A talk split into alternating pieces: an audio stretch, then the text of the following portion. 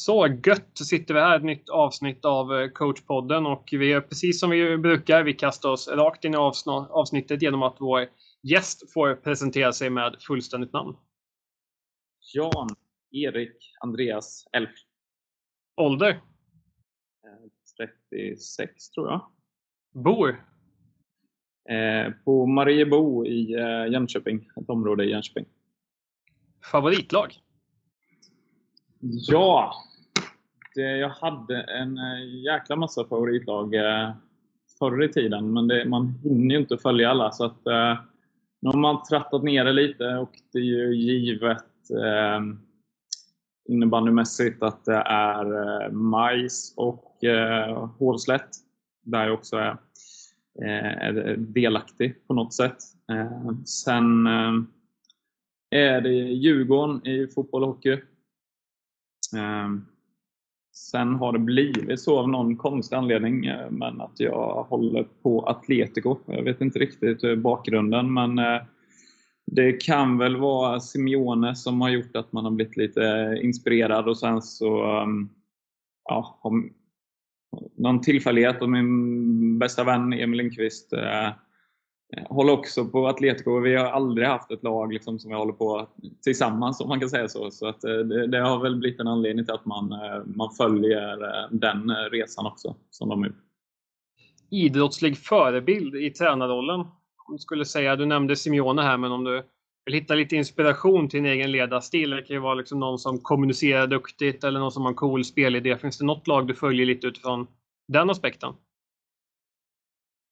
Ja, men det är väl det. Alltså in, inga så förebilder tror jag som, att, som jag liksom apar efter. Men sen, sen tror jag genom åren, tränare man har haft och ledare man haft i liksom näringslivet eller vad det kan vara så tror jag att jag undermedvetet någonstans har analyserat lite och funderat på saker de gör bra och ja, mindre bra som man kan ta med sig. Ehm, sen om man ska säga några namn så som jag kommer på egentligen så ja, men det är ju jag gillar någonstans de som går sin egen väg och där eh, såg jag ju den här eh, Chicago Bulls-dokumentären eh, där med Phil Jackson. Och det, jag har inte, kan inte påstå att jag har jättebra koll på honom sen innan, men eh, det var inspirerande att se, se att han vågade gå sin egen väg någonstans. Ehm, sen är det Simeone gillar jag med sin passion och liksom att eh, med Atletico att de har så tydlig identitet i spelet att även om man egentligen inte vet exakt hur deras taktiska upplägg är så, så vet man vad de står för och det tycker jag är häftigt. Och det är egentligen samma med, tycker jag, med Jan Andersson nu i landslaget, att det är en så tydlig profil på landslaget. Och det, ja, men tydlighet och passion och liksom, nu kanske inte Jan Andersson har gått någon ny väg så, men eh, den, är, den är väldigt tydlig den vägen han går i alla fall. Eh, sen eh, ser man till innebandymässigt så kommer jag nog nämna de namnen fler gånger här i podden, men eh, Stefan Forsman och Brottman är ju inspirerande på så sätt att de, eh, de vinner med sina lag. de är riktiga vinnare. Så att, sen har jag haft Forsman då, så att där har man ju lärt sig vissa delar och Brottman har inte haft, så han har jag inte koll på på det sättet. Men, ja, men det finns olika inspirationskällor mer än förebilder kanske. Du nämnde här att du själv hade haft Forsman som, eh, som tränare. Om vi går, då går in på din egen innebandyresa, du har ju både en spelare och en eh, ledarkarriär. Hur har, hur har liksom, om vi tar en lång sån här, eh, tidslinje, liksom, vart började innebandyresan och hur har den sett ut? Ja, jag är sämst på år och hålla koll på sånt där, så det är ju bara en dimma allting där. Men det, den startade i eh, Mullsjö för en herra massa år sedan. Jag, jag började spela tidigt, sen så slutade jag för att jag spelade lite hockey. Eh, sen så började jag på nytt. Ehm, men, eh, men där startade resan i alla fall, så att jag var ju med som aktiv spelare i Mullsjö och kom upp i seniorlaget när Mullsjö låg i division 3. Då tror jag jag var 15 år någonting. Ehm, sen så, gick, ja, så vann vi trean. Vi vann tvåan. Och så då lämnade jag för eh, spel i Haninge och då hade jag Forsman en period där och eh, Tyvärr så blev inte det den resan exakt som, den, eh, som jag hade tänkt utan jag avbröt den, kom tillbaka till Mullsjö, spelade i, i division 1 ett år. Sen, så, sen var jag gick någon säsong som spelare och sen så till Norge, Greåker. Och sen tillbaka till, eh, till Mullsjö och avslutade i Mullsjö. Eh, och det var ja, däremellan lite juniorlandslag och A-landslag som, som spelare. Eh, sen hade jag Egentligen när jag var 22 tror jag någonting så drog jag korsbandet och fick lite andra skador i knät. Och det, det, det hängde väl i mer eller mindre fram till jag var 27 någonting. Då jag drog eh, korsbandet igen. Eh, så, och däremellan så hade jag väl, jag tror jag räknade på det, jag hade 26 veckor eller någonting på kryckor. Så att, eh, eh ja, men jag, jag vet, jag satt, jag satt på en träningscykel och rehabbade och satt och kollade på Mullsjös träning och bara insåg hur jävla högt tempot hade blivit och liksom hur bra tränare alla var. Och, eh, och sen när jag skulle hoppa av träningscykeln så var knakade till i knät. Som jag kände att det, det var inte bra. Så att, eh, då, då insåg jag liksom att jag, det kommer inte funka. Liksom. Så att, eh, då, beslutet var tufft, men det var väldigt enkelt för att jag, jag insåg att jag inte kommer kunna spela mer. Eh, så, äh, tränarkarriären kan man säga. Eh, det, det, jag hade väl ingen plan eh, att jag skulle bli... Jag såg mig inte alls som tränare. Det gjorde jag inte första jag vet inte, tre åren. tror jag inte ens jag gjorde det, utan jag var fortsatt spelare. Eh, men, men jag ville vara med i Mullsjö, jag ville vara med och bidra på något sätt. Och då fick jag erbjudande av Mullsjö att få vara assisterande med Mikael Hill, så då, då hoppade jag på det. Ehm, körde Mullsjö i jag minns faktiskt inte riktigt, men jag vet att jag var assisterande i två år. Sen så har jag fått för mig att jag var typ läktarcoach ett år. Uh, men jag minns faktiskt inte riktigt. Men, uh, ja, och sen därifrån så gick jag till Hovslätt som då låg i division 2. Uh, eh, och det var... Ja, men då började man väl bli tränare. Även i huvudet någonstans.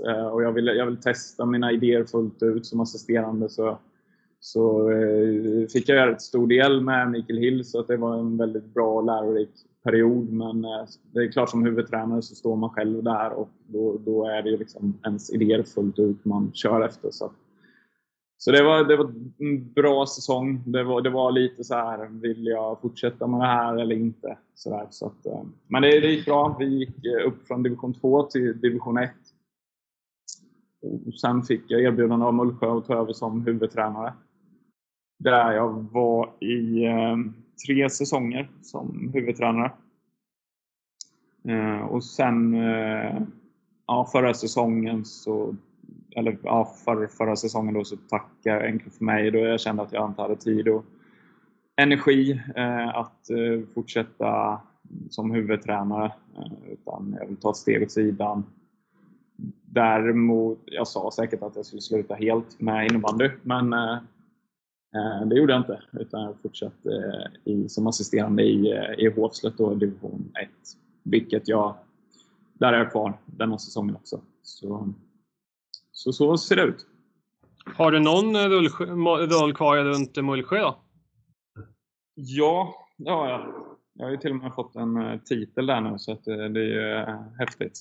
Det, jag, jag har alltid varit involverad i Mullsjö på ett eller annat sätt. Även att jag har spelat i Norge eller varit tränare i Hovslätt så har jag alltid eh, varit med och tyckt och tänkt i alla fall eh, runt eh, och i sportgruppen. Då. Men nu har jag fått en, en roll i sportgruppen egentligen som ja, men den bygger mer på ja, strategiska delar, jobbar mer långsiktigt hur, hur, vi, ja, hur, hur vi vill jobba på eh, på sikt. Men eh, såklart även här och nu också. Eh, men, eh, men framförallt att en resurs som, som orkar och tänka framåt. För att jag vet hur det är i en ledarstab och i en sportgrupp så är det väldigt mycket här och nu. och man, ja, men det, det är tufft att liksom, se framåt. Och där, där ska jag försöka bidra med vissa delar då, så att vi vi i Mullsjö kan vara med och slåss om guldet eh, denna säsongen men även om eh, tre år, och fem år och tio år så att, eh, så, så att vi inte blir något jojo-lag. Det tycker jag är bevisat att, att vi inte är men äh, vi, vi, vill på sikt vara ännu bättre. Så, så, så ser det ut just nu. Jag nämnde ju i någon av svaren förut här näringslivet. Jag googlar, när jag gör mina, min research till avsnitten här så stötte jag på Föreningsskalet som ett projekt du är involverad i. Kan du berätta lite om eh, vad det är för något? Ja, det, det är många bollar i luften, men eh, man kan väl säga att eh, ja, men det är jag och tre till som har dragit igång föreningsvalet. Eh, som är Tanken var först att vi, eh, ja, men vi ville betala tillbaka till, till föreningslivet som har gett oss väldigt mycket. Och, och vi, vi gör det i form av att vi, vi lägger tid på eh, att vara tränare och spelare och allt vad vi har varit. Men vi vill också hitta liksom, vägar att betala tillbaka ekonomiskt på något sätt. Eh, så då, då kom vi på det här och vi, vi vet att eh, föreningar och klubbar har liksom utmaningar och speciellt i dessa dagar med med det ekonomiska, men vi vet också att folk har mindre och mindre tid. Så då, då hittade vi en modell där man egentligen på ett väldigt enkelt sätt eh, registrera sig som ansvarig. Vi skapar en, eh, en lagsida eh, och, och det enda man gör då som, som lag, spelare, ledare, äldre och delar den här digitalt. Sen sköter vi allt ja, med att skicka produkter, ta hand om betalningar och så vidare. Så, att, så, så all, all, all försäljning, av all försäljning så får man en, eh, en viss eh, del av det tillbaka till laget. Under, efter försäljningsperioden så får man pengarna utbetalda. Så att, eh, ja, det, det, det, det går nog inte att göra på ett enklare sätt. Så det, det är bara in och regga sig. Väldigt fint initiativ. Om du får välja ut någon favoritmatch från innebandyåren här och det kan ju vara både som spelare eller som ledare. Men om det finns någon match som sticker ut lite extra i, du tänker på liksom just temat favoritmatch? Och den är ju inte lätt heller att välja en match. Det, jag, jag önskar att jag hade sagt, eh, kunde säga VM-guld eller SM-guld eller sådär, men det, jag har inte det ännu då. Så att eh, det är ju... Men jag, jag tror ändå när det, det första jag kom att tänka på så, så var det en match som jag inte spelade själv utan jag var faktiskt ett annat lag. Jag var skadad och kunde inte vara med så jag kollade på den avgörande matchen mellan eh, Mullsjö och eh, Älvstranden eh, som var otroligt häftig. Den innehöll allt. Och jag, jag tror att förutom att Mullsjö kunde gå upp och Älvstranden kunde gå upp så tror jag ytterligare ett tredje lag kunde gå upp. Så att det svängde ju från tre olika lag där som var klara för högsta serien. Eh, men eh, Mullsjö avgjorde i, eh, i sadden sen då, så den, den var häftig. Sen så som spelare så var jag med andra gången när vi mötte Mora, när vi gick upp och den var ju också fantastiskt häftig på, på så sätt att eh, Nyhemshallen levde upp på ett sätt som jag, ja jag vet inte, det var nog en topp tre Nyhemshallen i alla fall, minst. Så det, ja, men det finns många häftiga, sen så är det klart att det man har varit med lite juniorlandslag och A-landslag och sådär och det är ju speciellt på sitt sätt att representera mm, Sverige. Det, det är häftigt. Och vi har några Game 7 med, med Majs mot eh, Växjö och eh, ja, Linköping och Storvreta och lite sådär som också är otroligt häftiga. Men det, det är ändå kvartsfinaler så att det, det, det kan inte räkna riktigt. Utan, men det, det är flera olika matcher. Jag, jag kan inte välja en. Jag tyckte det var bra också som du inledde lite att eh, den bästa matchen kan ju också finnas någon gång eh, framför en i och med att tränarresan kan ju pågå i väldigt, väldigt många år framöver. Ja, exakt. Nej, men det är väl inget man, man lämnar så utan eh, tänker jag i alla fall. Utan det får man se om man eh, tar upp det på, på ett annat sätt framöver. Men ja, man fortsatt i det såklart. Men eh, eh ja, just SM-guldet, eh, det kan komma framåt, men eh, det kan också komma när man är med i en sportgrupp i Mullsjö förhoppningsvis. Om du får välja ut eh, en person i innebandyvärlden som du ska dela en kanna kaffe med och då får du tänka att tid, plats och språk inte är någon begränsning. Finns det någon person du tänker att uh, ni skulle hitta lite bra snack? Ja, men jag, jag nämnde dem i början här så tror jag att det är inte så bra koll på de internationella sådär, eh, folket. Men eh, ja, David Jansson känner jag ju sedan innan så han, eh, han har jag pratat tillräckligt med och eh, man, man, känner sig bara dum när man sitter och pratar med honom. Han är för smart, han har inget i innebandyvärlden att göra. Han är professor. Fan. Så att, eh, så det, nej, men jag, jag, väljer nog ändå två här och det är Brottman och Forsman ändå. Som, som ja, man, man, som sagt, man har blivit inspirerad på grund av att de vinner, men det är ju två tränare nu kanske. Brottman syns och hörs lite i alla fall i sociala medier och sådär. Men annars är det ju de två tränarna jag tror man vet minst om, men det är de som har vunnit mest. Så att, eh, ja, är det någon som ska utbilda unga tränare så är det väl de två. Men, nej, men de hade varit kul att sitta ner och lite mer fördjupande samtal, absolut. För att det, det är många unga tränare som eh, snackar väldigt mycket som inte egentligen har levererat något. Så att det blir mer eh, bara något teoretiska tankar. Men det, här vet man ju Brottman Forsman har ändå hittat vägar att vinna jäkligt många gånger. Så att, eh, jag hade hellre lyssnat på dem. Om du skulle beskriva dig själv som ledare, vilka ord skulle du sätta?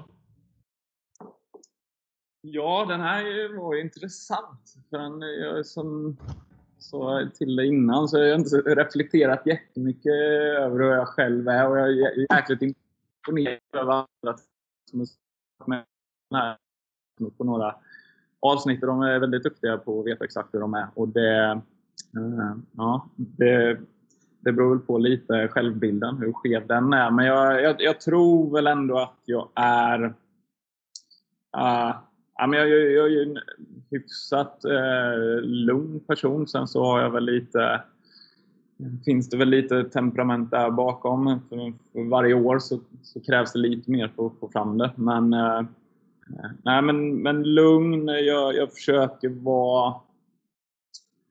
Eller jag, jag, är mig själv i mitt ledarskap. Så jag, jag, är, eh, jag är rak och jag försöker inte liksom eh, gå runt frågor utan jag tar dem eh, rakt och ärligt och eh, försöker vara så transparent som möjligt i mitt, i mitt ledarskap. Sen så tror jag att det, man lär sig också vara situationsanpassad i sitt ledarskap. Så ska man se olika delar i hur man är som, som ledare. Så exempelvis snackar vi eh, defensiva delar. Om man går igenom det så är jag väldigt så här, det är systemet som gäller och man går inte utanför de ramarna. De är ganska tajta liksom. Men kommer man mer till eh, offensiva delar exempelvis så, så, så fattar jag också att det kan inte vara för uppstyrt utan det ska vara ganska fritt. Så att, eh, ja, det, det är en pågående process tror jag i hur man är som ledare. Men uh, utöver det så,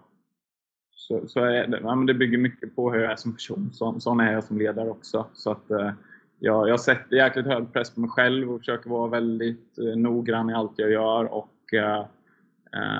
det, det, kräver också av min omgivning så att jag kan väl vara ganska så tuff på det sättet. Att jag, jag ställer jäkligt höga krav och jag är innerligt aldrig nöjd.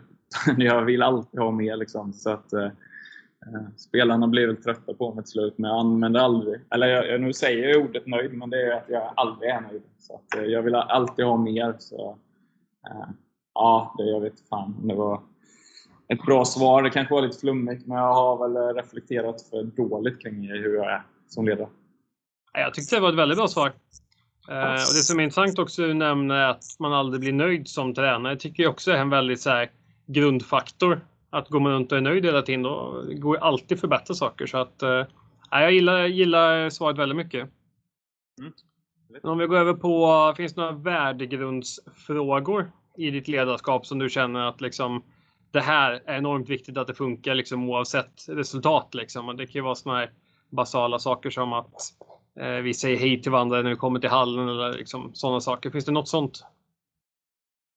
Ja, att säga hej till varandra, det önskar jag att det var en eh, bra grej. Men då det var ju, bygger det på kanske att man själv är sån som person. Och jag, och jag är tyvärr, jag går min egna lilla bubbla ibland. Så, sådana här delar är jag inte speciellt bra på själv, så det kan jag inte kräva av mina spelare. Men jag tror att eh, i, i grunden så handlar det om ja, att eh, maximera och att jobba, jobba så hårt som möjligt eh, för laget. Eh, att offra sig för laget, att sätta sig själv i andra hand. Liksom. Det, och i det innefattar ju massa delar egentligen i att, jag, i att respektera varandra och hela den biten. Men ska jag välja en sak så är det liksom av två saker så är det hårt jobb för laget och sätta sig själv i andra hand. Man tänker i en utopi där du inte behöver ta hänsyn till eh, vilka spelare du har eller liksom så, utan alla bästa möjliga förutsättningar finns för att spela precis den innebandy du vill spela. Hur skulle den typen av innebandy se ut?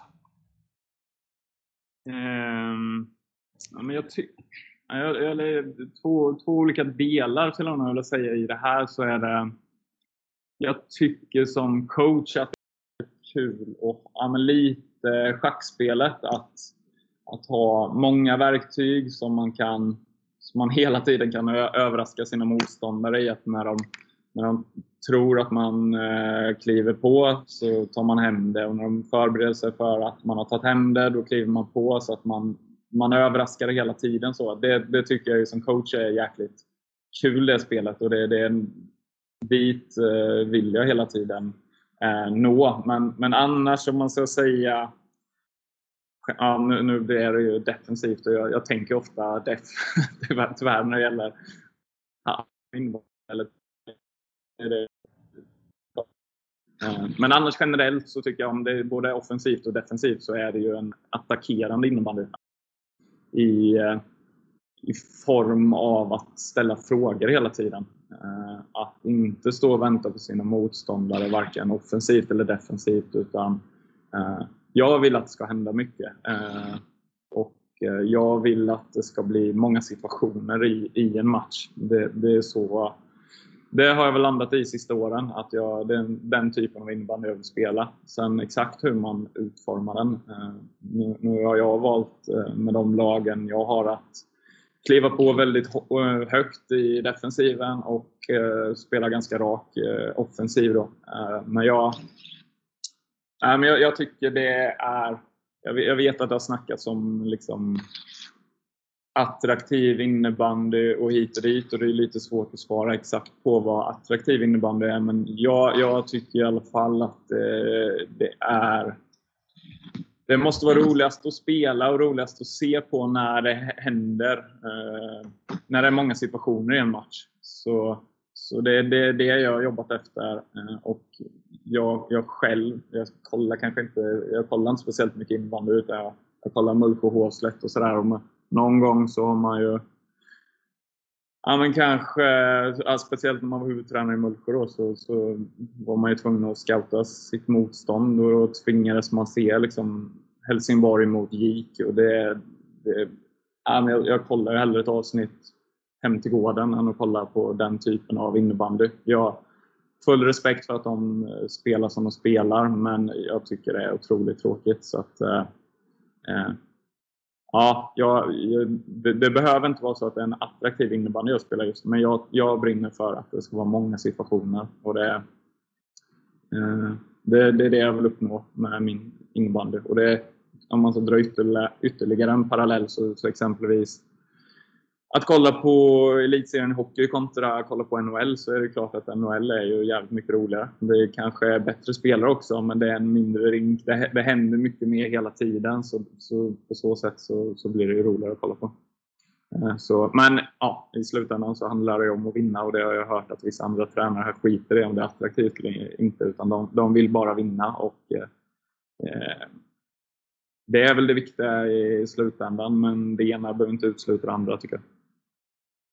Jag tycker det är ganska spännande om du skulle komma till ett helt nytt lag. Jag kan tänka mig att det kanske var en liten sån situation när du kom till Hovslätt och blev huvudtränare. Men just nu ska jobba in något nytt typ av spel. Att hur ser en sån process ut? Att, hur presenterar man det för laget? Ja, ehm, jag, nu har jag haft, när jag blev huvudtränare i Mullsjö så hade vi ett spel som David Ahlmark eh, egentligen hade byggt upp. Eh, ett, nu är jag återigen i försvarsspelet, men en, en grund. Så den, den ärvde jag lite och den, den bygger lite på det Forsman eh, hade i Haninge där, så den hade jag ju koll på och byggde vidare egentligen. Eh, sen så i Hålslätt nu när jag kom som assisterande så byggde jag egentligen vidare på det. Eller Eh, ja, speciellt försvarsspelet då byggde jag vidare på det jag egentligen hade infört i eh, division 2 där när jag var som huvudtränare. Men, eh, eh, men så, så Hovslätt, första året där när jag kom då, division 2, då, då hamnade jag väl i den sitsen att bygga upp något nytt. Och då, ja, men det viktiga är att Eh, börja i rätt ände tror jag. Att eh, börja uppifrån den stora bilden någonstans. Att vad, vad ska vi stå för? Vilken identitet? Varför ska vi spela som vi spelar? Eh, och det, det är viktigt att få spelarna att verkligen fatta eh, varför vi gör saker innan man går ner på detaljer. Eh, sen, sen får man ju eller så jag har gjort i alla fall, så, så går jag igenom alla olika delarna, hur de hänger samman och återigen kopplat till identiteten. Det här ska vi stå för, därför gör vi så här. Innan man någonstans eh, börjar gå ner i del för del och sen under en säsong då kanske jobba mer med detaljer för att vara så bra som möjligt sen till slutet av säsongen. Eh, så, så har jag jobbat i alla fall och det är väl jag är väl sån som person att jag måste veta varför man gör saker och ting. Så, och då, då tänker jag att det är väl fler som tänker så. Så det, det är så jag har jobbat i alla fall. Om du skulle kliva in som eh, coach för ett ungdomslag som är 12 till 16 år. Eh, skulle du jobba med liknande principer eller tror du det har blivit någon stor kontrast i ditt ledaruppdrag? Ja, den är, den, om jag inte har reflekterat kring, kring vissa andra frågor så det här är någonting jag definitivt inte har reflekterat kring. Men, eh, men det är klart att jag, jag tror jag har varit väldigt mycket tänk i allt jag har gjort. Så att eh, jag har lite svårt att eh, tänka mig in i just den här situationen. Men eh, när, så desto yngre de är, desto mindre viktigt är det såklart med resultat. Och liksom, utveckling är ju det absolut viktigaste i den delen av karriären, om man kan säga så. Och då, jag, jag, alltså sen så här 12 år kontra 16 år, så det händer ju rätt många, eller händer ju ganska mycket under den perioden. Men, men generellt så, så måste man, det, det, kan inte vara för systembaserat utan det kanske ska vara den stora bilden och sen lämnar man väldigt mycket åt eh, åt ungdomarna att hamna i situationer där de faktiskt får utveckla sitt spelsinne eh, och ta liksom egna beslut någonstans så att de får en egen utveckling i allt det här så de inte blir radiostyrda för att då det kommer de ju eh, ja, om man ser att man ska ha en karriär som är framgångsrik så tror jag man blir hämmad av det. Eh, så att för, för, att utveckla spelförståelsen så, så lämnar mycket åt åt ungdomarna och i de situationerna att de får liksom ta egna beslut. Det skulle jag vilja säga. Om vi kommer tillbaka så lite på elitsidan, så när man tittar på Mullsjö genom åren, framförallt runt 2009-2010 någonstans när du var med och spelade fortfarande, att det var ju liksom en förening som kämpade, sig, kämpade för att etablera sig i Superligan. Att något år gick man upp, sen var man tillbaka i gamla division 1, man gick upp och sen var det liksom lite fram och tillbaka. Men sen liksom kom ett break där man liksom gick och blev ett ganska etablerat slutspelslag som eh, var uppe och bråkade med de eh, absolut största föreningarna i SM-slutspel och så. Vad är det som har gjort liksom att Mullsjö tog det steget? Mm. Eh, den är intressant. Den, men den tror jag är att vi, vi, vi var ju där vi var. Alltså det, vi, en ganska liten förening, ett litet samhälle. Så vi, vi har ju alltid kämpat med de resurserna vi har, vilket var det var väl naturligt att vi när vi gick upp inte kunde liksom etablera oss som ett slutspelslag direkt. Utan det var ganska naturligt att vi fick ta steg ett först, att uh, kriga oss kvar. Och det blev ju lite jojo där och det var några säsonger där det var kniven på strupen. Men där uh, där, där vi ändå löste den biten. Sen, sen har vi ju haft en utveckling hela tiden som har varit positiv. Eh, så att, eh, och den, den bygger mycket på att vi har, vi, vi, har liksom, vi har behållit samma folk i stort sett runt om laget som har jobbat med utvecklingen, aldrig varit nöjda, vill framåt hela tiden. Eh, sen, sen en del som jag, som jag känner själv att jag har varit med och påverkat så, det, det tycker jag var en del i när jag kom in som huvudtränare, då säsongen innan, så hade vi, vi gick precis till slutspel. Ehm, och vi, vi tappade faktiskt en del eh, SSL, eller ganska mycket SSL-rutin inför att jag blev huvudtränare.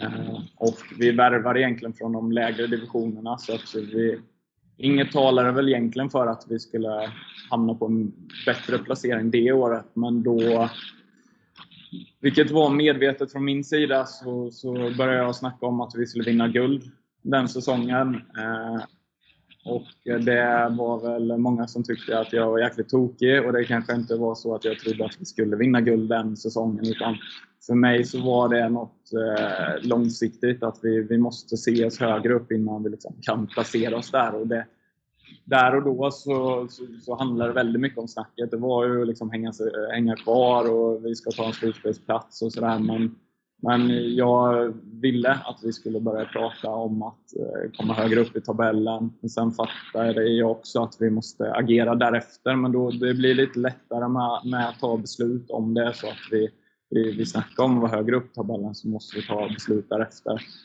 Eh, även att vi, vi ändrade spelet lite, eller vi i alla fall adderade en del i spelet som byggde på att vi, vi, vi skulle ha en chans att slå Falun och Storvreta. Det var det vi fokuserade på då.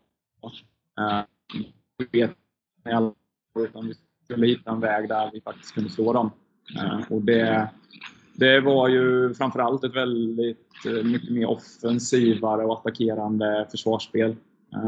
Och den säsongen så gav det ju bra utdelning för att jag tror vi överraskade väldigt många lag. Sen... Ja, men så, nu ska jag ska inte hylla mig själv, men jag, jag, tror att vi någonstans eh, började tänka lite annorlunda efter den säsongen och såg oss själva högre upp i tabellen.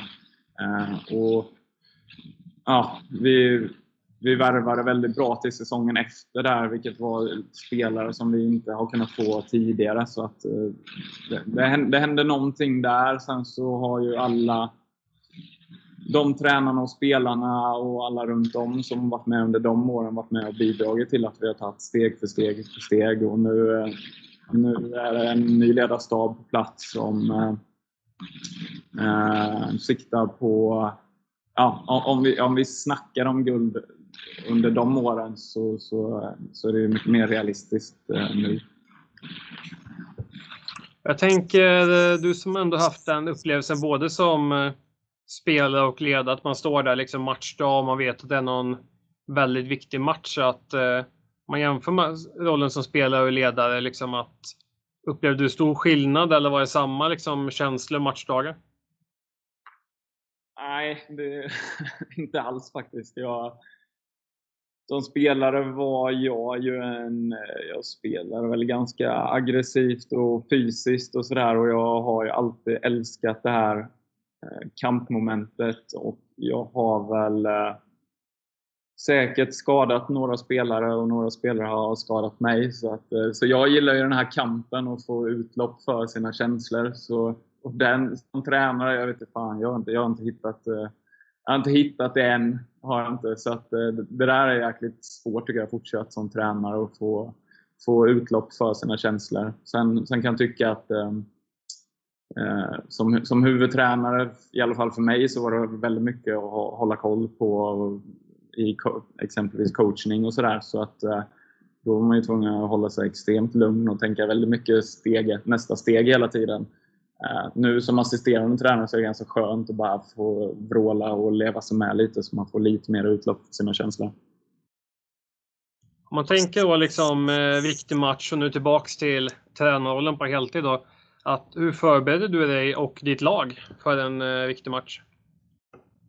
Eh, ja, mina egna förberedelser så är det väl eh, det är inget jag tänkt på att jag måste göra liksom något på exakt samma sätt hela tiden. Däremot så är jag ju lite sådär extra tjurig under matchdag. Jag är, jag behöver lite tid för mig själv och liksom förbereda mig tror jag lite mentalt och sådär. Och det har väl eh, min sambo lärt sig att eh, låta mig vara när det är matchdag. Sen så har man ju fått eh, barn nu och de skiter fullständigt i det. Så nu är det lite mer, lite mer rörigt. Men man är, man är ju lite mer på tå. Ehm, sen annars, en matchdag för en tränare är ju inte... Ja, men, har, har man gjort jobbet under veckan liksom, så har man ju förberett allt. Så det, det är ju mer en väntan på, på på match. Så. Eh, annars så, som tränare, att förbereda laget, så är det egentligen samma där. Man har gjort alla förberedelser. Skulle det vara så att det är en, en match mot ett, eh, ja, på pappret lite sämre lag så handlar det om att liksom trycka på rätt knappar så man får igång, får igång sitt lag. Skulle det vara en match som är jäkligt viktig så vet ju spelarna om det. Så att då är det ju snarare tvärtom, att man hittar eh, någon väg för att få, få spelarna lite mer avslappnade och eh, ja, lugna i situationen. Så det är väl den, hitta den balansen. Den är ju liksom... Är det, är det en match där man vet att de är heta, liksom, då är det ju bara att få dem lugna. Och är det någon match där man är lite orolig för att de inte är igång, så är det att få igång dem. Eh, sen är ju det lättare sagt än gjort, men det är väl det man kan göra under en match då. Om man då tänker eh, sen när matchen är igång. Att eh, du nämnde förut lite att det var kanske en fördel som assisterande, man kanske kan släppa loss lite mer. Men vad liksom brukar vara dina fokuspunkter under, en, eh, under matchen? Ja, men det, jag tror generellt så är jag väl en... Alltså har jag förberett mig och satt en plan så är jag inte så speciellt intresserad av förändringar.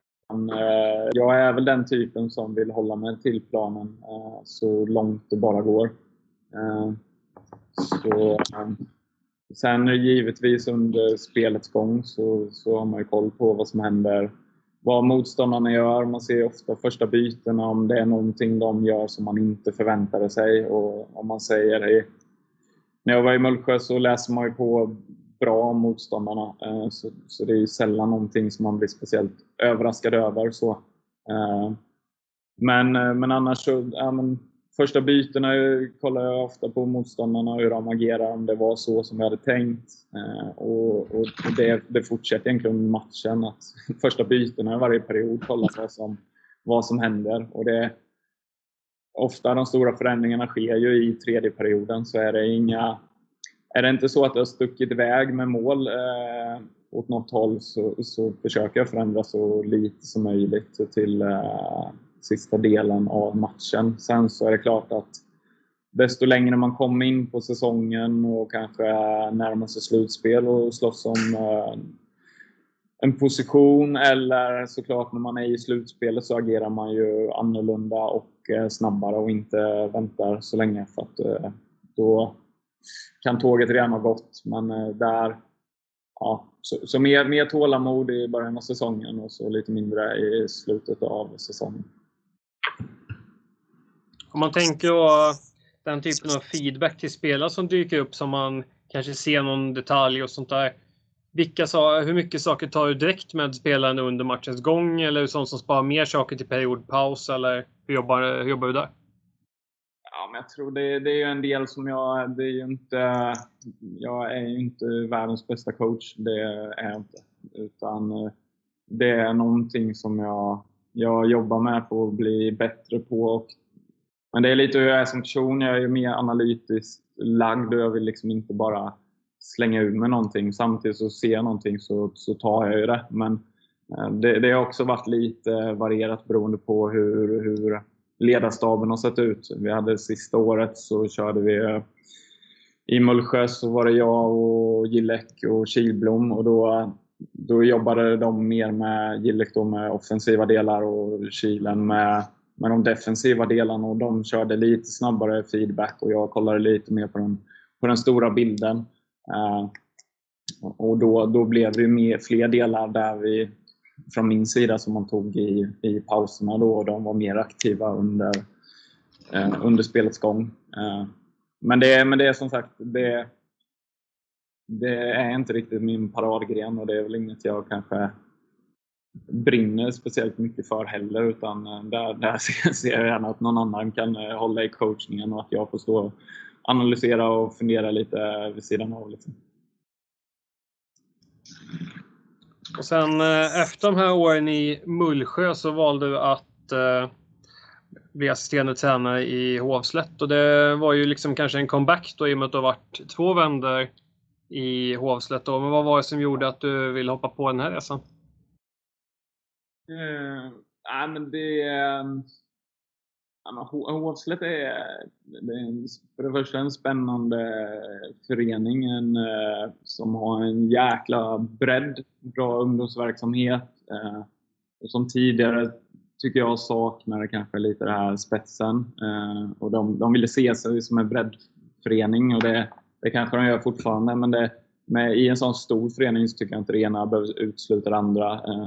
Utan eh, Hovslätt kommer vara ett lag som är eh, i Allsvenskan eh, hyfsat snart. Det, det är en förening som sagt med bredd och får fram väldigt många unga, bra spelare. Eh, och eh, unga spelare som vill väldigt mycket. Och då, då är det jäkligt kul att få vara en, få vara en del eh, i att utveckla dem. Då.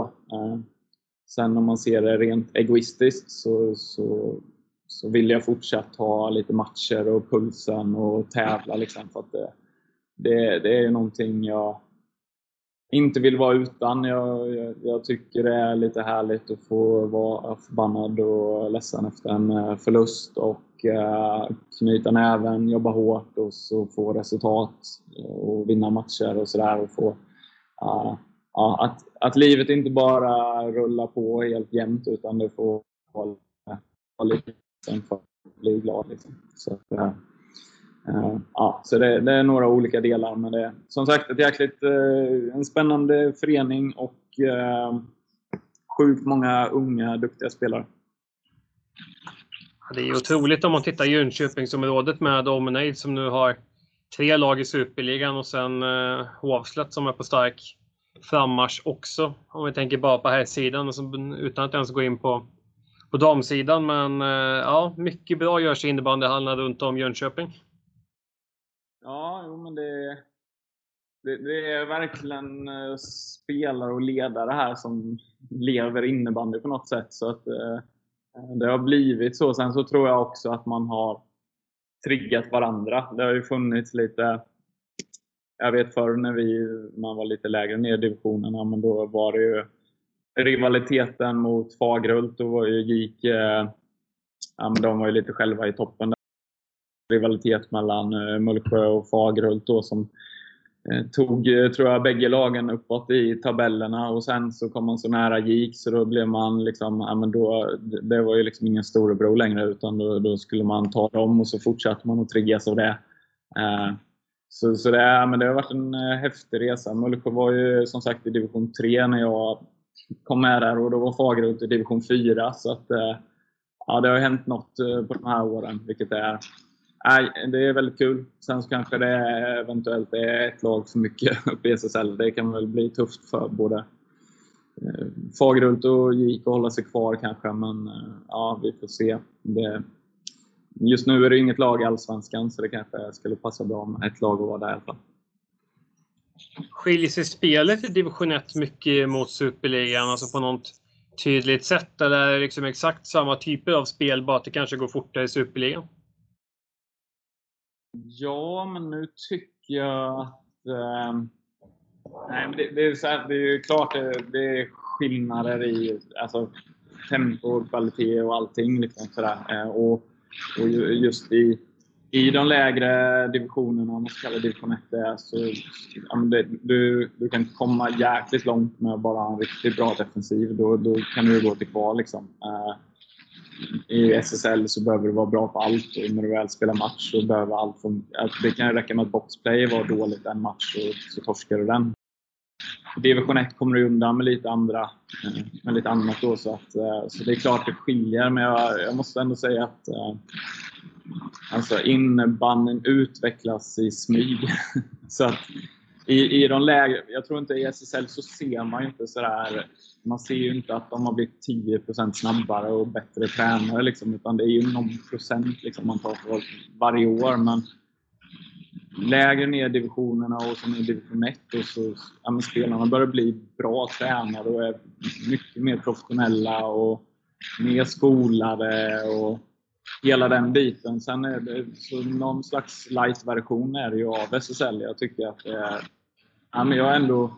Jag vi bara spelat två matcher med Håslet denna säsongen, men jag har väl mött två lag som kanske inte är topptippare, men eh, ja, jäkligt bra. Hög fart och bra tränare, bra skolare. Liksom, så att, eh, ja, men det, det innebandyn tar sig ändå. Om man tänker att man är en spelare i division 1 eh, som har ambition att ta sig liksom högre upp. Om det finns något så här, supertips på det här borde du verkligen träna extra på. Något som man kanske inte hinner med inom klubblagsträningen. Finns det någon detalj? Mm. Nej, men jag tror väl att eh, för mig är det ju... Det, alltså, det, så är det går mer mot mer och mer där några år nu är att fysiken är jäkligt viktig och eh, för att kunna för att kunna använda dina kompetenser, om det är teknik eller skott eller passningar, så, så behöver du hänga med i tempot och då, då, då kräver det ju att du, du, är snabb och uthållig och fysiskt bra bara. Så, så det blir ändå en förutsättning för att kunna hinna med nu för tiden. Så att, så det är ju kanske en eh, tråkig del, men eh, den, eh, den är jävligt lätt att påverka och den är en förutsättning för att om man ska nå hela vägen. Sen kan man kanske nå upp till toppen allsvenskan eller botten på att ha bra teknik, bra elsinne. Men kunde du ta dig till landslag. Eh, de egenskaperna, det kan du inte längre utan nu, nu krävs det ju så mycket mer. Det, de här toppspelarna är ju också i topp i alltså, fysik. Så, att, eh, så det kanske är eh, ett tråkigt tips, men det är det som ska göras om man vill ha roligt och spela med de bästa. Jag tänker, nu har ju säsongen då kickat igång med lite reducerade får ju till exempel inte ha publik och lite sådana saker. Men finns det någon match den eh, kommande säsongen som du känner att den här kittlar lite extra? Antingen kan det vara någon match med Hovslätt eller Mullsjö eller med två helt andra lag. Men finns det någon match du ser lite extra mycket framåt? Um, ehm, ja, men generellt är det jäkligt kul nu i, i början av säsongen. När man inte riktigt vet var man står och eh, ser lite liksom vad, vad nyförvärv levererar och vad lag som har snackats upp eller snackats ner, hur de levererar. Så det är alltid roligt de här första omgångarna, tycker jag är roliga att följa. Sen, så, sen är det ju någon eh, lunk som är rolig. Och sen är det ju kul såklart när det, när det börjar dra upp sig. Sen så är jag ju den som följer Majs och eh, Hovslätt och kollar i stort sett inget annat. Så att, eh, det jag fokuserar på är finalerna. Eh, och sen fattar jag att eh, Majs och Hovslätts finaler gäller olika saker, men eh, där har jag siktet inställt i alla fall. Vi ska gå vidare till de fem snabba frågorna du får svara spontant och impulsivt. Det är en styrka. ja, vi försöker. Vi ska säga första frågan. Match eller träning? Match. Anfall eller försvar? Försvar. Powerplay eller boxplay? Ja, den, det är kul. Jag, jag, jag byter spår där. Då tycker jag nog powerplay är roligare. Om du tar boxplay, skulle du vilja spela boxplay med en boxuppställning eller en diamantuppställning? Uh, box. Uh, leda med ett mål och uh, försöka stänga ner matchen och klara, klara ledningen eller ligga under med ett mål och sen få jaga och samla energi. Nej, men jag leder nog helst tror jag. Jag tycker det är lite skönt det här schackspelet där med det kan vara så jäkla jobbigt att leda för då kan man bli så jäkla passiv till slut ibland. Ja, jag kanske inte håller en linje i allt jag säger här men eh, jag, jag leder hellre än att ligga under. Det kan jag säga. Om vi går vidare till då att du ska få chansen att sätta ihop en liten eh, drömuppställning skulle vi kunna kalla det med eh, sex spelare, förslagsvis en målvakt och eh, fem utspelare. Eh, en eventuell ledarstab och valfri taktisk disposition om du vill ha en eh, 2-1-2 eller en eh, 2-2-1 eller om det ska vara någon helplanspress eller något sånt där gött. Ja, den här var ju... Den här är svår alltså. Jag funderade lite kring jag har hört podden innan här så hade man ju ändå lite koll och jag funderade på om man skulle ha en ren som man varit tränare för eller skulle du ha någon eh, gubbar man har spelat med eller skulle du ha en, ren majsuppställning? Men jag, jag landar i en eh, mix av allting. Så, eh, så det blir... Det, ja, det finns någon liten, liten blå tråd då får vi säga, så är det väl att fyra av sex här kommer att tillhört um, Mullsjö i alla fall på ett eller annat sätt. Eh, men målvakt, det, den, den var enklast tror jag. Eh, då tar jag Gunnar Domeij som jag spelade ihop med i eh, GIK några år. Som är Ja, men han stod för mycket som jag tycker var jäkligt häftigt. Han gick sin egen väg. Han eh, sket i vad alla andra tyckte. Han eh, jobbade jäkligt hårt och var, ja, men han var mer professionell än vad många, många andra spelare jag stött på. Eh, så eh, han var, sen får man ju slänga in lite brasklapp, man har ju haft massa bra målvakter och eh, har. men, men, ja, men den, han var given. Eh, mm, jag, då jag kör en 2-1-2 också, så att, eh, det, jag är konservativ. Eh, högerback. Så en liten eh, luring här. Jag, jag, jag, behöver ha lite balans i, eh, i formationen här. Så att jag, jag har egentligen två namn som jag står mellan. Som jag kanske inte har koll på. Men jag valde mellan Robban Linder i Haninge och eh, Daniel Schmidt som jag spelar med i GIK. Eh, två riktiga jag spelade själv center då, så att jag visste när bollen gick ner i hörnet och de var inblandade i situationen så visste jag att vi hade en spelvändning inom några sekunder. Så att, eh, men jag väljer ändå Don Schmidt. Han, eh, han var skön på alla sätt. Ett riktigt yrväder och en spelare som inte heller tog någon skit och eh, backade backade. Det blev lite hetsigt. Så han, han behöver jag på banan. Vänsterback.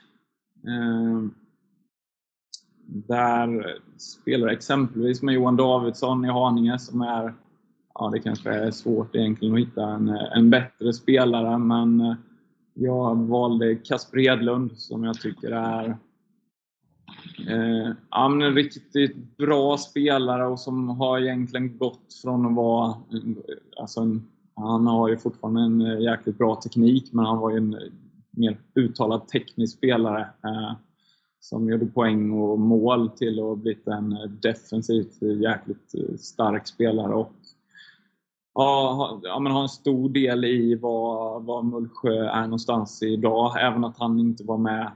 Ja, men han var väl med från division 1 eh, där. Eh, men eh, framförallt så har han ju bidragit stor del i, eh, i SSL nu och gör det fortsatt fantastiskt bra tycker jag. Även att han, är, han har blivit en av spelare när han eh, någonstans startade sin seniorkarriär. Bra. Eh, så det var lite nytt. Han känner man igen. Eh, som center. Eh, också flera bra. Palmqvist tycker jag är fantastisk nu i Mullsjö. Eh, teknik och blick. Eh, jag spelar ihop med Carl-Johan Nilsson i GIK. Eller eh, Ja, vad fan heter han? Karl-Johan. Irius bytte han till va? Irius heter han. Ja. Jag gillar inte förändringar. Så om det är folk som byter efternamn så bollar jag det de hade mm, först. Uh, nej, men så flera fantastiska centrar också. Och, uh, men jag väljer en med Mullsjös moderklubb, Per Svensson, Pelle Svensson, som uh, jag fick spela med någon landslagssamling en spelare som eh, hade allt tycker jag. Snabb, sjukt bra spelsinne, eh, stark, bra skalle. Eh, så, och, och, är det någon spelare jag hade som förebild lite mer när man var yngre så, så var det Pelle. Eh, vänsterforward, den är ju, du vet alla rightarna är ju, eh, det är tufft. Tuff konkurrens. Eh, jag har spelat med Kalebsson, jag har haft eh, med Sankan att göra. Andreas Hedlund har jag spelat ihop med som eh, jag tränare i Mullsjö. Jag fick spela ihop med Gide, någon landslagssamling där när man var lite yngre. Så att, tuff konkurrens, men jag väljer ändå Mikael Östlund som jag spelar ihop med i Haninge där en kort period som är ja, men ett spelsinne som är utöver det vanliga. Så att han, eh, jag känner ändå att vi har mycket fysik runt om och han står väl inte för fysiken utan han står för hjärnan där. Eh, ja, fantastisk spelare. Högerforward. Eh, en spelare som står för mycket av det jag står för med fart och vara attackerande, spela med passion. Eh, rinner över lite ibland, vilket jag tycker att eh, det får göra. Han är en, eh, han är en han kämpar verkligen för att vara en profil och det, det tycker jag han, han går i bräschen i innebandyvärlden just nu. Eh, han, eh, eh ja, han har haft utmaningar i sitt liv och det, kom, det har han fortsatt och kommer få leva med det. Men med de utmaningarna så har vi någonstans skaffat en speciell relation. Så att eh, det är Kim Garnevik på eh, högerflanken. Eh, jag hoppas att det är spelaren som eh, avgör finalen. Eh, det hade varit pricken över i känner jag. Eh, ja, så det, det, är väl eh, uppställningen tror jag. Otroligt fin eh, uppställning och det är intressant det vi pratade om förut också vad som har gjort att Mullsjö tagit de här stegen. Där har ju faktiskt Kasper Hedlund och Kim Garnevik varit eh, vad är det viktiga, säger jag. Jag som inte varit insatt i processen, men eh, som åtminstone sett någon match från sidan här och då. Ja, nej, men det, det är ju ett gäng som har eh, hängt i som spelare och som har, ja men i SS, alltså nu, det är också där egentligen två olika delar. Det har ju varit ett, ett gäng som har varit med och dratt eh, laget upp till SSL. Sen så är det några som har fått ta, ta, över och som har gjort det jättebra och som har potential att eh, ta det hela vägen också. Så, att, eh, så de har givetvis en eh, plats i, i det här laget. Eh, så. Någon eh, tränarkonstellation du vill sätta ihop runt det här laget eller tänker du att de har, de har det de behöver?